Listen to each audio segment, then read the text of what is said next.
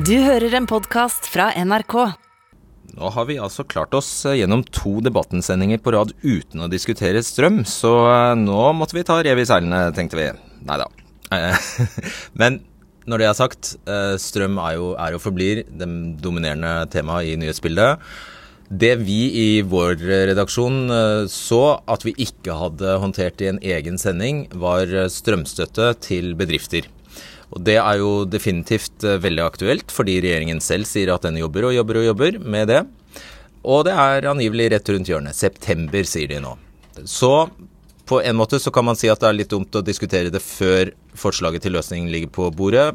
På den annen side, det er nå vi får vitnesbyrdene om hvor vanskelig det er for bedriftene. Og hvis eh, et program som Debatten skal bidra til å påvirke politikere politikernes eh, beslutningstaging, så er det jo nettopp før vedtak fattes at uh, diskusjonen må skje. Dette er en komplisert debatt, men på noen vis så kan den også gjøres veldig enkel. Hvis noen bedrifter skal få strømstøtte, hvem skal da få det? Og hvordan skal man forhindre at de som ikke trenger det, får det? Så vel bekomme. Her er debatten om strømstøtte til bedriftene.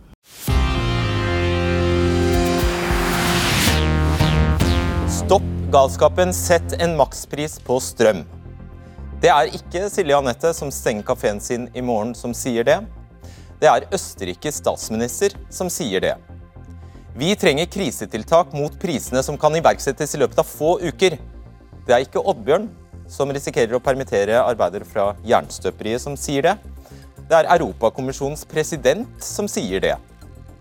Hvis vi ikke gjør noe med priskrisen, vil kostnadene veltes over for, på forbrukerne som allerede sliter, og folk vil miste jobbene sine. Det er ikke Bård, som har stengt rehabiliteringstilbudet for pasientene pga. strømprisene, som sier det. Det er lederen for Foreningen av små bedrifter i Storbritannia som sier det. Så hva sier norske politikere når det nå snakkes høyt om et pristak på strøm for bedrifter og virksomheter i Europa?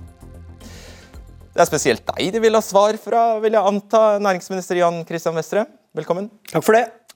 Velkommen også til SV-nestleder eh, Torgeir Knag Fylkesnes. Takk skal du ha. Frp-leder Sylvi Listhaug. NHO-sjef Ole Erik Almli. Og inn her skal det komme flere næringsdrivende etter hvert, også offentlige institusjoner, som skal forklare hva som skjer dersom det ikke kommer strømhjelp snart. Velkommen Silje Anette Johansen. Takk. Du eier og leder Småbruket kafé og landhandleri i Sør-Odal i Innlandet mm. i én dag til. Ja. Fordi nå må du stenge. Hvorfor det? Jeg ser ingen annen løsning enn å stenge dørene når strømprisene er så høye som det de er. Og hvor høye har de vært? Eh, de har dobla seg. Vi ligger på det dobbelte enn det vi gjorde. Og da snakker vi om? Eh, vi lå på rundt 5000, underkant av 5000. Nå er vi over 10. 10? Ja. 10 000 i måneden. 10 000 i måneden. Og dere lager nesten alt av bakevarer fra bunnen av. Dere selger også ferske gårdsegg ja. eh, fra frittgående høner. Eh, hadde du klart deg hvis ikke strømregningen var så høy som den er? Eh, nei, våre kunder sliter jo også økonomisk. Så de har jo ikke råd til å gå ut og kose seg lenger. Så i tillegg så er jo moms og avgifter eh, skyhøye. Noe som jeg syns er urettferdig for oss som driver smått. Eh, jeg er fra en liten bygd. Eh, vi er et samlingspunkt. Og jeg, vi er jo hjelper til med å ha flere arbeidsplasser. Eh, ja. Før Vestre får svare på hva han tenker for deg, så skal vi bare legge til at bedriften din har gått med underskudd. Ja. Du har fått totalt 300 000 i støtte fra kommunen. Mm. Om da vil kanskje noen mene at ja, dette var ikke en riktig hest å satse på for skattebetalerne, og da sier du? Eh, jo. Fordi? Fordi eh, jeg ja, eh, ja, jeg skjønner at det, det er vanskelig. Eh, fordi det er støtte du trenger, ikke sant? Jeg trenger støtte. Og nå har vi eh, kommet oss gjennom to år med pandemi, og det har vi klart greit. Og nå kommer det her på toppen, og da syns jeg det er dårlig gjort at ikke vi kan få noe støtte fra staten. Det er det uforutsette, ikke sant? Ja. ja. ja uh, for det er sant som hun sier, det har faktisk ikke kommet en eneste krone fra deg. Hva, hva er svaret her? Nei, Vi heier på alle jobbskaperne og takker Silje Anette og alle andre som står på hver dag for å skape både arbeidsplasser og verdier for eh, landet vårt. Nå er det ekstremt høye strømpriser, og det opplever mange bedrifter som vanskelig. Samtidig er det store bildet at det går veldig godt i norsk økonomi. Vi har rekordlav arbeidsledighet, og vi er alvorlig bekymret for at økonomien overopphetes. og Da må vi ikke gjøre ting nå som bidrar til å gjøre situasjonen verre for Silje Anette og andre. Og Det er grunnen til at vi sitter nå sammen, partene i arbeidslivet, LO, Virke og NHO, for å se på eh, hjelp som kan komme de mest utsatte bedriftene til unnsetning allerede i høst. Men det er ikke enkelt. Når, når du hører henne, hører henne vil hun, eh, vil hun sortere som eh, en utsatt bedrift, som du kaller det? Ja, Det er for tidlig å se. Vi, sitter og jobber med disse ordningene nå, og planen vår er fremdeles at vi skal kunne presentere de i løpet av september. Men uh, vi må Men når hun sier hun stenger i morgen, høres ikke det utsatt ut? Eh, jo, det gjør det, og det er det jo flere grunner til, som vi nå får høre. og Jeg vet jo at det er planer om å starte opp igjen. Jeg håper virkelig at det lykkes. Jeg har vært forbi dere flere ganger og håper det uh, går bra. Og Det gjør dypt inntrykk, det Silje Anette og andre forteller. Absolutt. og Vi hører disse historiene hver eneste dag.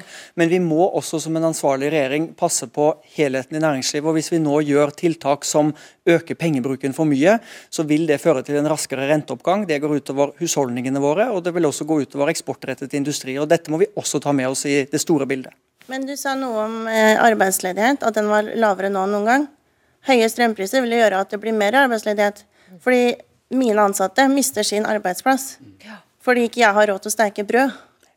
Ja, og det, Hvis det skjer, at vi får et sånt bilde i norsk økonomi, så er vi beredt til å handle veldig raskt. Det gjorde vi bl.a. i vinter under omikron-runden. Da fikk vi på plass støtteordninger for næringslivet, 20 milliarder i løpet av få dager. Men det skjer nå? Det gjorde at vi kom ut av den krisen veldig bra. og Nå er det store bildet i økonomien at det går godt. Det er en fattig trøst for deg og andre. og Det er derfor vi sitter og ser på tiltak nå som vi skal presentere i september, men, men, det er ikke enkelt. fordi at vi kan risikere å gjøre vondt verre eh, gjennom feil strømstøttetiltak for næringslivet. Ok, Det er heller ikke enkelt for deg, Oddbjørn. Oddbjørn Maurdalen, du er daglig leder i Furnes jernstøperi. Stemmer det. 150 ansatte i Stange. Dere har, dere har fastpris på halvparten av strømforbruket, hvis jeg har skjønt det rett. men Korrekt.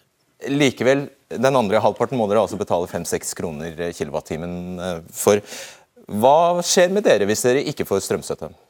Nei, Dette her har jo pågått over veldig lang tid. Vi har altså 700 000 ekstra i måneden i strømkostnad.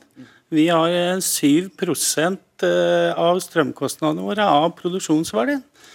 Og med all respekt, Vestre, den retorikken din der har jeg stått og hørt på siden september i fjor. Dette her kunne vi ha løst med revidert nasjonalbudsjett. Vi har diskutert med dere helt siden i september, som sagt. Både med energi, statsministeren og deg som næring. Vi får sympati, vi får pene ord, ingen handling. Ja, jeg forstår også at situasjonen er krevende for uh, Furnes Jernstøperi, som også er en bedrift vi heier på. Uh, og Vi ser som sagt på tiltak. Vi har gjort en del ting. Men dere kunne har, ha gjort noe lenge, for lenge siden, og, sa han. Og vi har også gjort ting. Vi har satt ned elavgiften. Vi legger nå til rette for at bedriftene skal kunne tegne vesentlig gunstigere fastprisavtaler.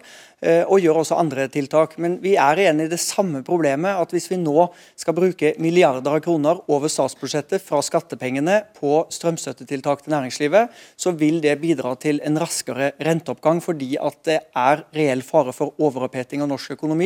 Og Det vil gå direkte utover din konkurransekraft. og Derfor så må vi som sagt ikke gjøre situasjonen vondt verre gjennom dårlige utformede støtteordninger. Ja, og det du, eh, bare to, skal, skal, hjelpe oss kollektivt her med å forstå hva du egentlig sier. Sier du da at i ytterste fall så er du villig til å la uh, Furnes eh, jernstøperi gå konk? Nei, det vil vi selvfølgelig ikke. Vi heier på alle bedriftene og håper at de lykkes. Men hvis vi nå øker pengebruken mye, bl.a. gjennom strømstøtte til et næringsliv som i stort går veldig godt, så vil det føre til en raskere renteoppgang. Hvis renta nå stiger ja, Så noen vil måtte gå konkurs?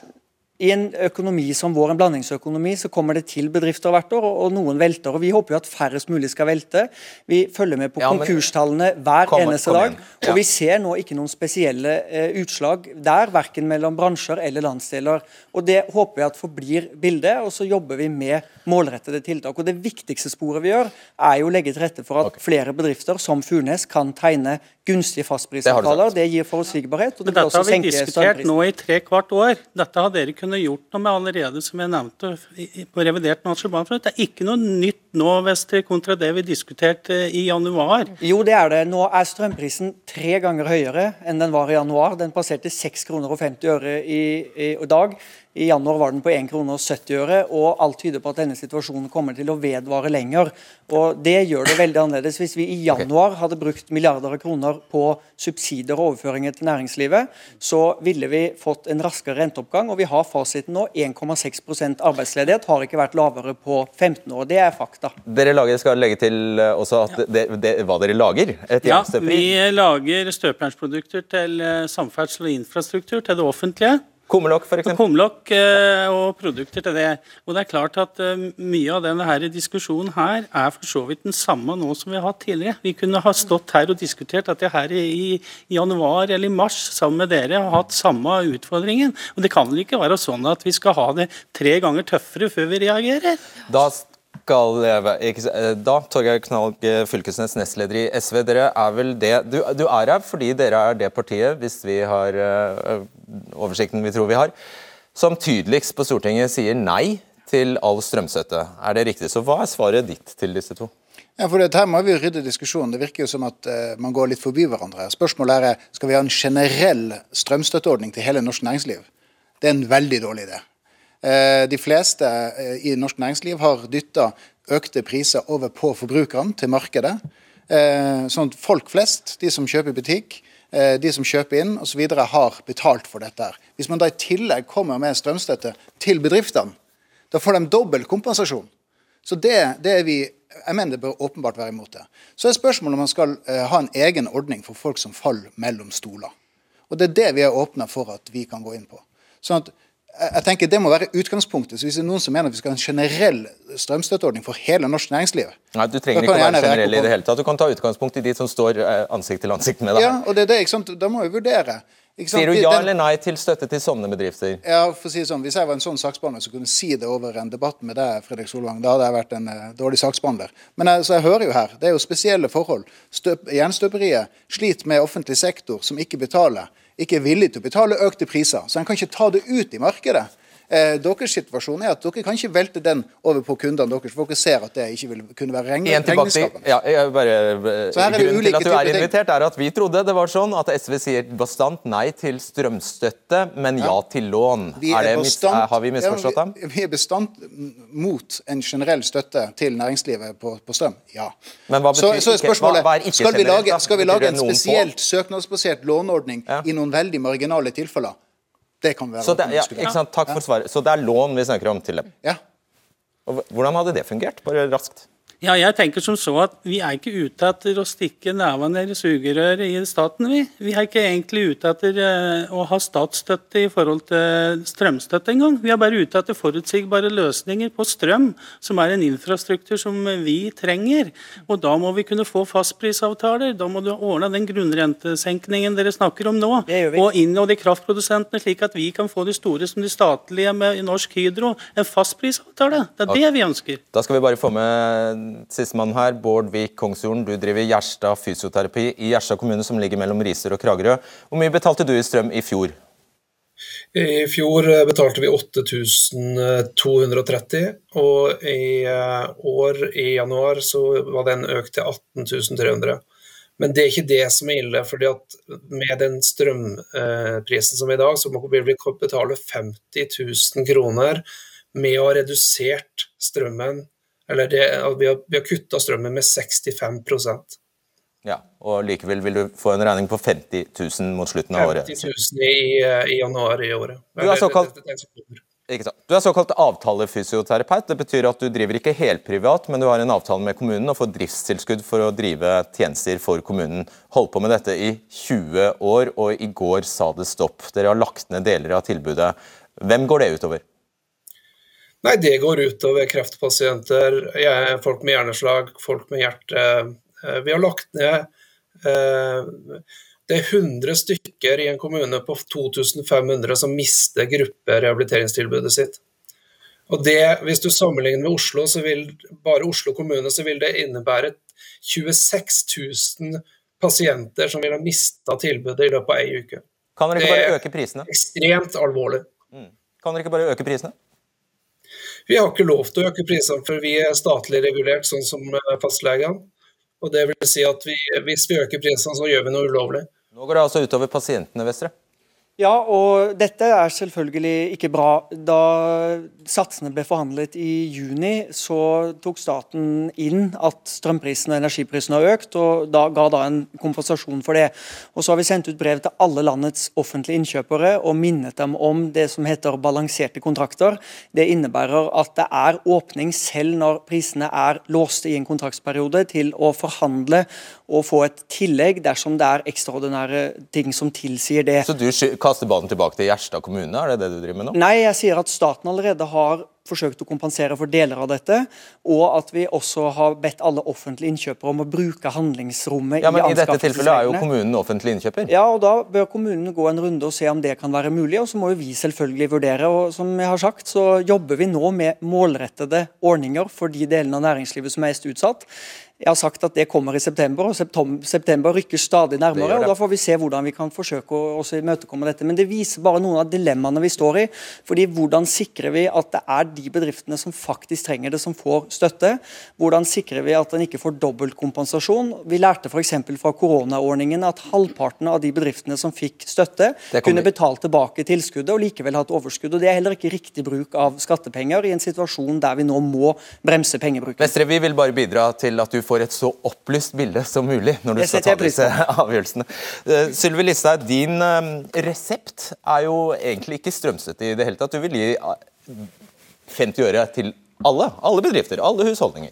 Altså, Vi vil dekke 100% av det som er over 50 øre. og det For oss handler ikke dette om støtte, men det handler om å tilbakebetale pengene til folk og bedrifter som har betalt altfor mye på strømmen. Og jeg synes Det er viktig å huske hva som er bygd Norge. Av våre, et av våre store konkurransefortrinn det har jo nettopp vært billig strøm. Det er det som har gjort at store bedrifter, industribedrifter har etablert seg i Norge. Og som gjør at vi har bygd opp det landet som vi har i dag. Det er det som står på spill nå. Derfor så mener vi at vi må få på plass en, en sånn ordning. Har du, har du regnet på det? Bare før du tar, tar det, har du regnet på hva det vil koste å gi 50 øre flatt til alle per kilowattime i Norge? Det vil jo avhenge av hvor mye, altså hva prisene blir. Fordi at Poenget er jo at Nettopp, nå kommer det er egentlig poenget mitt. Ja, men, men, vi får jo mer inn i statskassa enn det man, man eh, Til mer vi får inn i statskassa, eh, til mer vi vil da betale ut.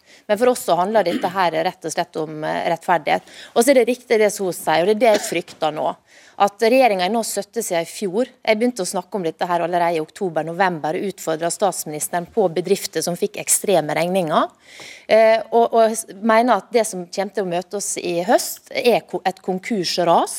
Og det kommer til å bli permitteringer og folk som mister jobben. Og når vi hører da hvor tafatt dette her er, så blir jeg bare bekymra. Og til Knag Fylkesnes, det høres veldig spesielt ut. Nei, dette er ikke spesielt. Dette er det du møter uansett hvilken bedrift du besøker. Jeg har besøkt mange. Pakkeri, bakeri. Eh, eh, Vi tviler ikke på at det overalt. Ja. Men poenget er at det, du sier at de kan jo bare legge disse kostnadene over på de som kjøper varene. Men det er ikke sånn det fungerer. Det er en grense for hva et brød kan koste hvis du skal ha folk til å kjøpe det.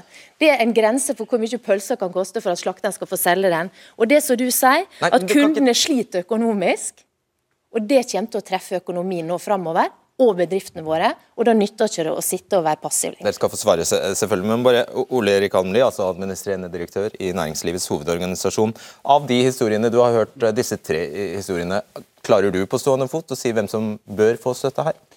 Nei, det er forskjellige eksempler. Det er forskjellige eksempler, og Hvis du hadde hørt på alle de eksemplene jeg har, så vil du få et veldig klart inntrykk av det samme som blir sagt her, at fra hele Sør-Norge får vi meldinger fra bedrifter nå som har fått regninger på 400-500% høyere strømregning nå enn det var i fjor. Og dette kunne ingen forutse. Ingen kunne forutse denne bølgen av økte regninger som koster overskudd. altså De går fra overskudd til underskudd. Og så må jeg minne om en ting. det at Bedriftene har betalt inn titalls milliarder kroner i økte strømregninger i år til stat og til kommune. Og det eneste vi ber om, er at noe av dette kommer tilbake til de bedriftene som trenger det aller mest. Og bare La oss forstå hva det betyr når NHO uh, eh, sier det. Hva betyr det? Alle, eller noen Nei. få, eller hva betyr det? Det betyr ikke alle. Det betyr de som trenger det aller mest. Og Vi er nå, vi har sagt at vi må ha en ordning hvor vi får tilbake noe av dette i form av en tilskuddsordning. Det har vi vært veldig tydelige på. Vi har snakka om det siden i januar. Nå er vi i dialog på det. Jeg håper at vi får landa det raskt.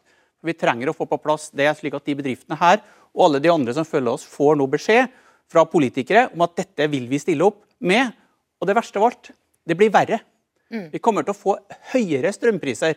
Så det som er vondt, blir verre. Og vi må stille opp for bedriftene og redde arbeidsplasser rundt omkring i Sør-Norge. Skal aldeles straks eh, fortsette. Dere skal bare takke av eh, dere og ønske så mye lykke til til Silje Anette Johansen, Stå på, ja, Oddbjørn Maurdalen og Bård Vik Kongsjorden. Eh, skal få inn noen flere representanter fra næringslivet her. Det er Siv Rong som driver treningssenter, så er det Tone Østby som driver renseri, og Kurt Rye, som driver et universitet. Og velkommen til deg, Ole Andreas Nest. Starte med Ja, nei, nå glemte jeg. Vi skal minne om nettsiden nrk.no Fredrik Solvang. Det er vårt digitale hjem i debatten, og det er det her du kan si hva du mener om det som foregår her i studio i kveld. Du kan også foreslå temaer. Og hvis du kom sent inn i sending, så er det bare å gå inn der og spole tilbake. Greit. Eh, Da, Ole Andreas Elvik Næss, du er forsker ved Norges handelshøyskole, og du advarer nettopp mot det du hører fra NHO her, nemlig å gi støtte til mange bedrifter. Hvorfor det? Ja, altså Hvis man velger å gi en støttehånd til bedrifter, så vil det i praksis være en overføring fra fellesskapet til bedriftens eiere. Og Bedriftens eiere kan da velge å bruke disse pengene sånn som de vil. De kan ha det i selskapet, de kan ta utbytte, de kan flytte det ut av landet eh, osv. Vi så fra koronastøtteordningen hvor vanskelig det var å lage treffende ordninger. Det var alle de samme problemene på bordet. Og vi endte opp med en ordning der noen veldig få stakk av med veldig mye penger. Gjerne selskaper som tjente mye penger både under pandemien og etter pandemien. Så det viser hvor vanskelig det er å lage sånne treffsikre ordninger. Ja, Så du vil eh, Altså, i, i, av frykt for at det skal skje, så vil du Da, da, da, da, da er det jo mange som vil gå dukken, da. Ja, så Det finnes jo et bra enkelt alternativ, nemlig å gi selskaper eh, lån. For Da hjelper du selskaper som midlertidig sliter. da. Men så vil jeg liksom nyansere litt noen disse eksemplene. da, Sånn som det eksempelet som nettopp var her med Furnes jernstøperi, som for all del fortjener støtte, veldig fint selskap osv. Men det er jo en veldig solid bedrift. Har gått med 100 millioner i overskudd de siste årene. Tatt 75 millioner i utbytte. De er vel eh, eid av en av Danmarks rikeste menn eller noe sånt. 14 milliarder tror jeg han var god for. De har masse penger stående i selskapet, lite gjeld. Og så sier de liksom at strømkostnadene kan gå opp til 8 millioner i året. Men de hadde 40 millioner i resultat før skatt i fjor. Så de kan være, det kan tenkes at de har råd til å betale strømutgiftene sine. Og nå kastet vi jo støperiet på, på døra her, så jeg tror du får ta eh, svar på, på vegne av For det, for det første, Vi må minne om at de inntektene som staten har fått nå, i titalls milliarders størrelse, kommer fra bedriftene. Vi snakker om å ta noe tilbake til bedriftene. Og så må ikke historien om pandemien være historien om at de tømte penger ut. Det var historien om at vi sto sammen. Vi redda norske bedrifter og arbeidsplasser gjennom pandemien, og vi kom oss best gjennom det av alle land i Europa. Og Nå snakker vi også om at vi skal ha en ordning hvor vi også kan se for oss utbytterestriksjoner. bare for å være veldig tydelig på det. Det må være mulig å ta utbytte for å betale formuesskatt, men det kan være utbytterestriksjoner. Så Det vi må gjøre nå, det er å redde bedriftene nå i dag. Og vi har mange bedrifter vi skal høre mer ifra i dag, som kommer til å komme med den samme historien. Kort Fylkesnes, og så går vi. Nei, altså, kort, altså det her, For det første så mener jeg jo at eh, det er betryggende at NHO nå går bort ifra at de skal gi alle bedrifter støtte. Her har vi konkurstallene, går ikke opp. Det er masse utbytte, det er store overskudd i norsk næringsliv generelt. Men det er noen som sliter. Det er de vi skal følge med på. Men generelt så er det ikke det. Og da i en sånn situasjon, sånn som Frp foreslår, å kjøre på med masse offentlige kroner til eh, norsk næringsliv, det er jo som å bare be om at dette skal gå rett til eierne, rett i lomma, som virkelig ikke står i noen krise. Og skal, skal folk være med på en sånn type sånne type grep, der store mengder Først betaler de mer i butikk, så skal, de, så skal fellesskapet i tillegg bidra med penger direkte til eh, eiere som har mye penger fra før. Jeg tror ikke det er særlig bra oppskrift. Det er ikke alltid at det er eh, en stor motsetning til det du kaller, mellom det du kaller vanlige folk og eiere. Jeg tror vi har et sånt eksempel her, Tone Østbø. Eh, Du er altså leder for Renseriet, som er en kjede med tolv eh, renserier fra Bergen til Bryne. Velkommen tilbake, får jeg si. Takk, takk. Fordi du var her eh, ja, i januar. Da Yes. fortalte du om en ganske kritisk situasjon når det gjaldt strømprisene. Hvordan har den utviklet seg? Den har eh, ikke forandra seg i med hvor feltet er. Altså, det, det er det går fra måned til måned, men det faktum at vi er nødt til å kutte ned på, på strømbruken, eh, altså kutte ned på hvor mye vi produserer, og eh, ting går ut over kundene våre, eh, sier sitt. Eh, hva skjer hvis du får tilbud om lån? Da er det et lån som jeg allerede har fra pandemien. Så lån på lån på lån løser ingenting. Altså, Det skal betales ned. Vi er ikke grådige her. Vi er, vil ikke ha penger for å sette i våre egne lommer, vi vil ha for å overleve. Og Da hjelper det ikke meg at du gir meg et lån så jeg bare må betale ned senere. Svar på det. Jeg regner med at du uh, benytter deg av den, uh, den bankgarantiordninga som var under. Og den var jo vi i SV veldig kritisk til. Altså Banksporet var elendig, kjempehøye rente og dårlige forhold. Det vi tar til orde for, er statlige lån, gunstige lån, som gjør at du faktisk kommer over kneika. Altså avdragsfrihet, det er lang løpetid på det. Altså helt annen type lån, der det, der det ikke er bankbetingelser vi er ute på her, men er faktisk statlig ja, hjelp. Nei, Altså, Nå sitter vi i en situasjon der vi allerede har et svært lån som skal begynne å bli betales ned på. Og så skal du hive enda mer lån på toppen av det. Det løser ikke problemet. Hadde du kommet med dette før pandemien, før, tidligere, før vi fikk dette lånet, så hadde det vært en løsning, kanskje. Men nå, i situasjonen vi er i dag, så det hjelper ikke. Bare ta det med deg, Knag Fylkesnes, fordi vi går videre til Siv Rong, som altså driver et fitness-franchisesenter, heter det.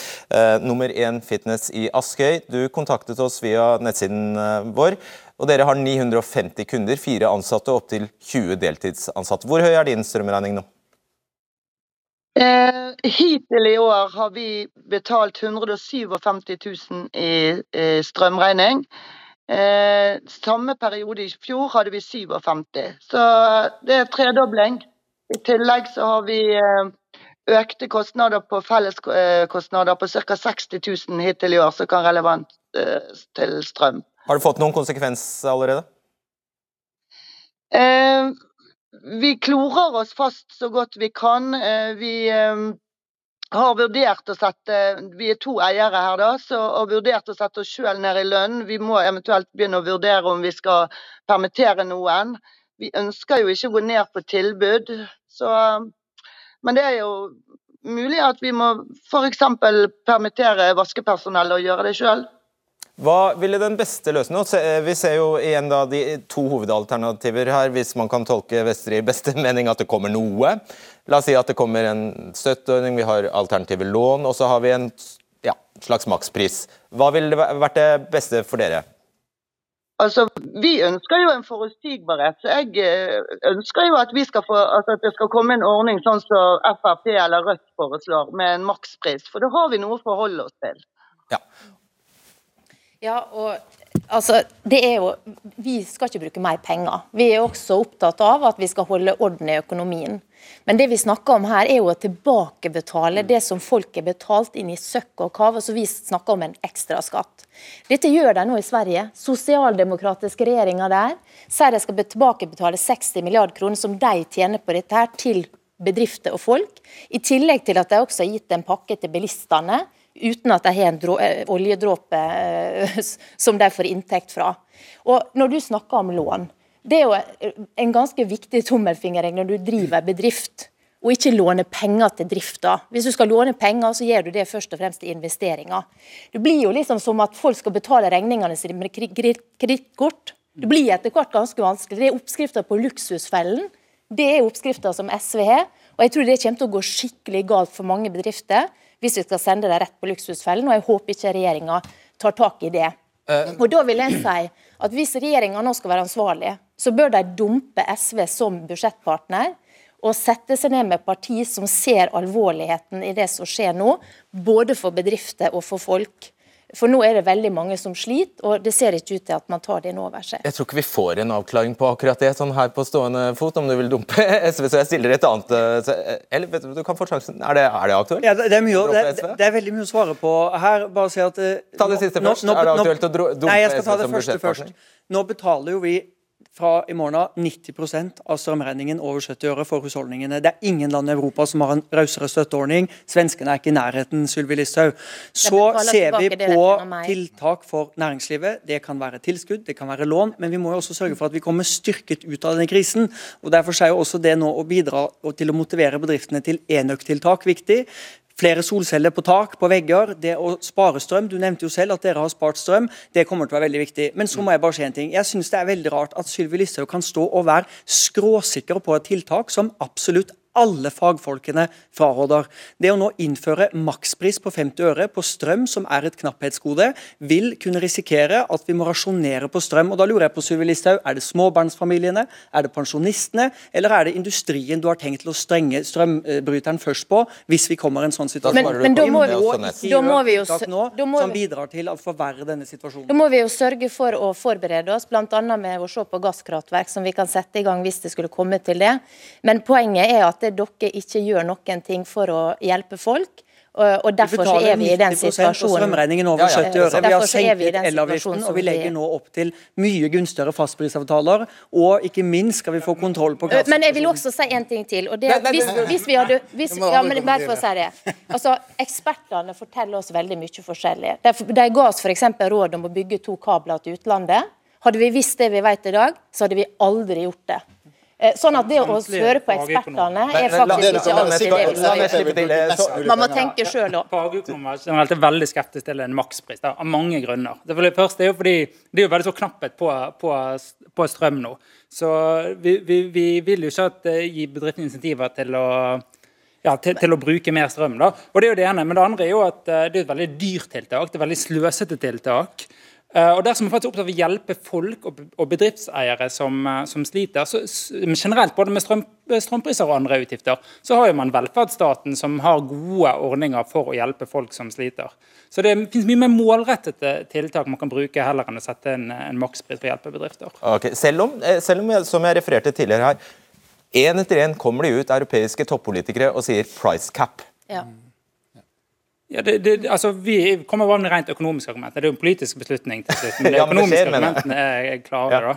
Så de lytter kanskje ikke til ekspertene i en ekstraordinær situasjon? vi som er? Men vi nå da. er det ikke det EU har sagt. Det EU i går tok til orde for, og som vi selvfølgelig følger med stor interesse, er å vurdere å koble gassprisene fra strømprisene. De har fulgt hverandre i mer enn to tiår. I dag blir vi utsatt for eh, vår, vår markedspris på strøm tar opp i seg gassprisen. Ja. Så vi snakker jo om det samme. Ja, men EU-kommisjonen har ikke foreløpig tatt til orde for en makspris på strøm. Det vil kunne få veldig dramatiske konsekvenser, gitt at dette er en mangelvare. og Derfor så må vi passe oss på det vi gjør. Og så vil jeg bare si at Husk at utgangspunktet er at bedrifter skal drives for regning og risiko.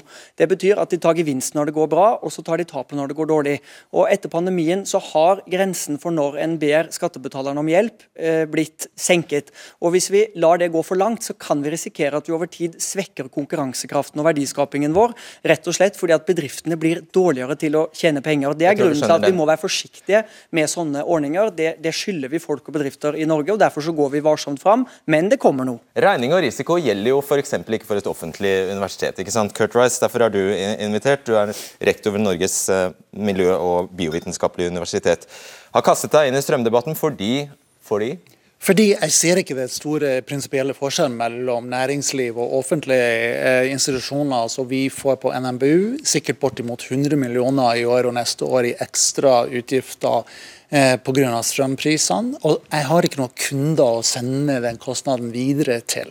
Men jeg innrømmer at jeg har litt blandede følelser, fordi vi skal profilere oss på bærekraft, vi jobber med det grønne skiftet, vi forsker på det osv., men vi har likevel noen pragmatiske utfordringer, nemlig bygninger fra 1859 og, og eh, den strømmen som skal brukes Så du får egentlig virkeligheten i fleisen her, da? er det det? jeg, jeg, jeg får litt det. Jeg får, altså, det er jo langsiktige tiltak om overgangsordninger til det grønne skiftet som vi trenger, men det som vi trenger kortsiktig, er enten at regjeringa aksepterer at vi må redusere aktiviteten, eller at de bistår oss. Og da har du truet med, med digitalundervisningen? Altså, Det hadde vært ille å måtte, å måtte gå den veien, men det er klart at man kunne stenge ned noen bygninger og drive utdanning digitalt, sånn som vi gjorde under pandemien, som et tiltak for å spare strøm. Men det er ingen som ønsker den løsninga, men det er begynner å bli en desperat situasjon. Ikke sant, og Du er her også fordi du representerer Vi har fått flere tilbakemeldinger om akkurat sammen. Dette gjelder skoler, det gjelder kirker, det gjelder veldig mange offentlige institusjoner uh, også. og da, Jeg tro, tror jeg prøver meg på Almli. Altså, da har, vel, da har, man det vel gående. eller Hvordan skal du klare å sette skillet der? For det første så må man huske på hvor disse kostnadene ender. De ender hos kommuner og stat. Og Det er helt legitimt å si at de må føre noe tilbake til de som sliter nå. Det mener jeg er helt legitimt, og det skiller det veldig fra andre prisøkninger man har. Vi ber jo ikke om kompensasjon for alt mulig. ikke sant? Når det økte skatter fra regjeringen til bedriftene, så ber vi ikke om kompensasjon for det. Det vi ber om, Nei, ber Nei, det, vi ber om, det vi ber om nå er en tilbakeføring av noen av de kostnader man har fått. og For mange så er det 400-500 i økende regninger. Og det blir verre. Men jeg lurte på, var, Når du sier ikke alle skal få, bare noen skal, skal få. Inkluderer du da offentlige virksomheter? Nei, Det får jo andre snakke for. Nei, jeg spør deg. Nei, jeg, jeg, mener at det skal være slik nå at det er de som er den målretta ordning til de bedriftene som sliter ja. aller mest. Så Rice faller uten, utenfor? Ja, Det får jo andre svare for. Jeg skjønner veldig godt at han Nei, fordi sliter. Dette er jo dilemma. Dette er jo nettopp en del av dilemmaet. Jeg mener at det er bedriftene som trenger det aller mest nå. Og da svarer du? Da svarer jeg at jeg, som sagt, jeg har ikke noen kunder å sende det videre til. Jeg skal levere gratis utdanning til norske studenter. Det klarer jeg ikke å gjøre med 100 mil mindre. For å øke studieavgiften, da? Ja, Nå er bevilgningene til universitetene og høyskolene 42 milliarder i året. og De kommer til å være veldig høye til neste år også, så får vi se fasiten når statsbudsjettet legges fram. Men jeg vil bare si til Ole Erik, som jeg for øvrig ofte er veldig enig med, at det er jo noen som betalte de milliardene i koronakompensasjon gjennom pandemien. Det var jo skattebetalerne. sånn at Overføringene til næringslivet de siste to årene har vært rekordhøye. og Det var riktig for å holde ledigheten lav, men når vi nå da har rekordlav ledighet, vi ser ikke i konkurstallene spesiell grunn til bekymring. Jeg snakker nesten daglig med bankene, de som er førstelinja. De følger med på de små og mellomstore bedriftene, hvordan de, det går med dem, og de sier det går stort sett veldig bra. Da må ikke vi nå lage ordninger som egentlig bidrar til å gjøre situasjonen verre for dem. Jeg snakker f.eks. med eksportbedriftene våre langs hele kysten. De er nå alvorlig bekymret for at renta stiger raskere. Da kommer det til å bli dyrere for utlendinger å kjøpe norskproduserte varer, fordi kronekursen blir lite konkurransedyktig. Og det, vi hører på alle enkelthistoriene, de gjør inntrykk på oss. men jeg skal være næringsminister for hele næringslivet. Og, vi, og Da må vi også tenke på de bedriftene som nå har lempet kostnadene over, som er bekymret for overoppheting av økonomien, og som klarer seg veldig godt. Men jeg lurer, jeg blir jo nysgjerrig på om fordi dette er jo begripelig. altså En økt rente Du har jo et lån på 3 millioner allerede. En økt ja. rente er jo ca. det siste du, du, du, vil ønske deg. Ser du den sammenhengen, og tar du det, tar du det innover deg? Nei, altså Det som jeg hører her, er, er veldig mye snakk og veldig lite løsninger. Det er òg veldig provoserende å høre at det er argumenter på at folk blir dårligere og tjener penger, eh, som bedrifter som står her og jobber og gjør alt riktig, drevet familiebedrift i, i 20 år, fire generasjoner, ansatte som jobber 10 pluss år. Og så får vi disse her beskjedene at vi kan kun få lån. Altså, Det er ikke noen andre alternativer. Og du sier Men det har jo ikke vi sagt. Vi sier at vi ser på ulike løsninger. Jo da. Du, nei, du sier ingenting. Ja, Da skal jeg si det en gang til. Vi jobber sammen nei. med LO, NHO og Virke. Og i løpet av september ja, Du må ikke si nei takk til å få penger, da. Så kommer vi til å presentere tiltak som skal hjelpe de mest utsatte bedriftene. Men jeg sier bare nå at det er ikke enkelt. Det er veldig lett å stå her i debatten og si ja, vi skal treffe de bedriftene som trenger det, men når vi setter oss ned og faktisk ser på hvordan gjør vi det, så er det ganske vrient. Jeg var her for seks måneder siden og snakket om dette problemet. Det har ennå ikke skjedd noe. Ok, du, lå, eh, ja, jeg hørte en kombinasjon av eh, lån og støtte, muligens. og Du, du, du legger inn eh, energieffektivisering her. bare for, Vi kan forholde oss til renseriet. altså skal det hvordan, hun sier hun har nå spart det hun kan. Er det, hva er neste trinn, steg da for et renseri? Ja, altså, det er jo, altså, nå, er det jo veldig mange veldig interessante diskusjoner her. Men for å ta og svare på det som var inngangen her, det som eh, NMBU og, og, For det, det, som er situasjonen her nå, er jo at vi lever i en, en, en helt sånn spinnvill strømtid det vi skulle hatt, det var jo en sånn avtale som kraftkrevende industri har langsiktige avtaler, rimelig pris, forutsigbarhet over lang tid for hele befolkninga og for næringsliv og offentlige institusjoner. Og det kunne vi gjort. Det kunne vi, ha, vi kunne tøyla markedet på den måten der. Men det er jo nesten det staten- Altså, utfallet blir jo nesten det, Nei, det samme. Nei, overhodet ikke. Som en fastpris. Nei, Eller det- nei, som en makspris. Nei, altså de avtalene som kraftkrevende industri har, er ikke det samme som en makspris. Da forhandler staten på vegne av industrien, skjønner jo det. kjøper inn kraft på vegne av alle. Men det du unngår da, det er at du får sånne jojo-priser som kaster selskaper ut i vanskeligheter. Ikke sant? Som man ikke klarer å forholde seg til. Og det er det vi har foreslått i SV. Vi har foreslått Statstrøm, som da er et statlig selskap som overtar rollen som leverandør, kjøper inn krafta, og så gir man bedrifter, offentlige institusjoner, folk flest. Vi tar den en annen dag, faste. den diskusjonen om Jo, statsstrøm. Fundamentalt. Ja. Altså, det handler jo om den situasjonen vi står i. Ikke det sant, Fredrik? Det som er kan- spinnvilt nå, er at folk og bedrifter blir regelrett rana eh, av enorme strømpriser. Og Det er fordi at Europa har ført en uansvarlig energipolitikk over tid. Og vi sier at det skal ikke norske bedrifter og det norske folk lide for. Og så er det til 50 øre, og da, vil folk skru på alle panelovner og koke middag i, i, i, i? Selvfølgelig er ikke det det. 50 øre er en høyere pris enn det vi er vant til. Bedriftene er opptatt av å spare det de kan. Oslo Met alle. Vi vil ha ned kostnadene. Så den der bare kjøper ikke jeg. Men det som skjer nå er at de som er aller minst, de kommer til å sitte og fryse gjennom vinteren. De har ikke råd til å lage seg mat. Okay. Og at dere syns det er greit, det får stå for deres regning. Jeg syns det er skam at vi skal ha det sånn i Norge. den politiske den, det politiske regimet vi har på kraft Og nå må vi gjøre har- noe med ja, Dere har det snudd plutselig, men dere har, dere har vært blant arkitektene for den situasjonen vi står i nå. Og med en, gang det blir, med en gang det viser seg at dette er et monster, så snur dere. Skal ikke vi løse problemet? Du vil jo ikke det heller. Jo, det har vi nettopp forklart, Nei, du men du hørte vel sikkert ikke. For å avrunde. Ja, For det første så er, er det ikke slik at dette nødvendigvis Det må bli bare én ting. Dette betyr ikke økt rente automatisk. Man må ikke si det. For at det er massiv inndragelse av kjøpekraft ved at penger er blitt overført til stat og kommune. Vi skal ikke øke renta, men vi skal ha en ordning som hjelper bedrifter gjennom denne krisen. Det er det viktige meldingen nå. Og jeg er helt sikker på at vi kommer til å få det til. Jeg i hvert fall tro på det. Og da skal bedrifter som vi har med å gjøre her, få den hjelpa de trenger. Det er det viktigste. September, betyr det 1. eller 30. september? Ja, heller før enn siden, og jeg er optimist. Det er god progresjon i dette arbeidet. Og så tror jeg at folk kommer til å se at når vi legger frem statsbudsjettet, så øker alle kostnadene. Og det staten får inn på ekstrainntekter, det renner ut igjen i folketrygd og i forpliktelser og i flyktninger fra Ukraina og i veldig mye annet. Og denne regjeringen skal føre en ansvarlig politikk som trygger arbeidsplassene. Det kan folk være helt trygge på. Takk for at dere kom til debatten. Takk for at du så på. Vi er tilbake torsdag.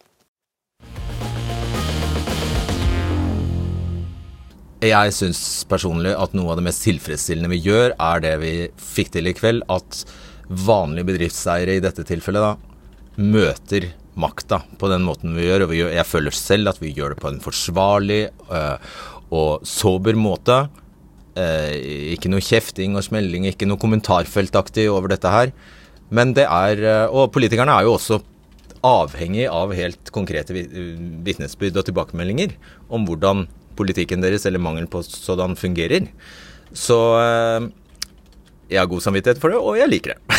og jeg håper du også eh, gjør det. For jeg mener at dette her er bortimot til kjernen av det vi journalister skal drive med. Og da må jeg bare bemerke, vi skal gjøre det på en måte som ikke kan beskyldes for å være sosialt pornografisk eller spekulativ eller eh, noe i nærheten av det. Du får jo selvfølgelig gjøre deg opp din egen mening om vi får det til, men eh, det er nå i hvert fall min mening. Ok, vi eh, er tilbake på torsdag som vanlig, og jeg bare minner om nrk.no Fredrik Solvang, som altså er stedet for å diskutere og sende inn forslag. Og så siden du sitter og hører på podkast, så er det unødvendig å minne om at det også finnes podkast. sånn er det, ja. Ok. Ha det. Du har hørt en podkast fra NRK. De nyeste episodene hører du først i appen NRK Radio.